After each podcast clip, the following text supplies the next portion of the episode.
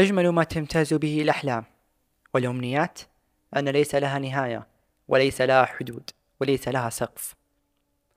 حلم ينتهي حلم يبدأ وتستمر العجلة في الدوران. مرة تلو مرة تلو مرة تلو مرة. ولكن هنالك حلم لن ينتهي. أهلا أنا عمر أحييكم بتحية الإسلام. فالسلام عليكم ورحمة الله تعالى وبركاته. من آخر ما سوف ينشر لهذا العام عشرين ثلاثة وعشرون. لست خائفا من انتهاء أحلامي. أو أمنياتي لأنني أعلم بأن هنالك بعض الأمور التي ليس لها نهاية وليس لها حدود وأنني سوف أحقق ما أريد. ولكن ماذا بعد؟ هذا هو أجمل جزء بأن للأحلام والأمنيات ليس لها نهاية. وليس لها حدود. من الممكن أن أضع مئة حلم أمامي. وأحقق واحد. وأنا أتجه لتحقيق تسعة وتسعون حلما آخر. لن أخاف ما دمت أستطيع النظر إلى السماء وأنا أعد النجوم في هذا الفلك العظيم. أو أن أنتظر كل شهر اكتمال القمر لكي ينير السماء السوداء والمظلمة ويشع في عيني كشعاع وصولي إلى ما أريد. امتازت هذه السنة برحلة طويلة جدا. توجت وختمت في نهايتها بهذه السلسلة التي تثلج الصدر والتي تنير الطريق. الطريق الذي لا زلت أسلكه نحو ما أريد تحقيقه في هذه الحياة وفي سنواتي القادمة بكل أمل كل فخر وكل سعادة وكل حب. ميلاد المشاعر أنا بخير. الطريق لا زال طويلا. فقط أنت. حلم لن ينتهي.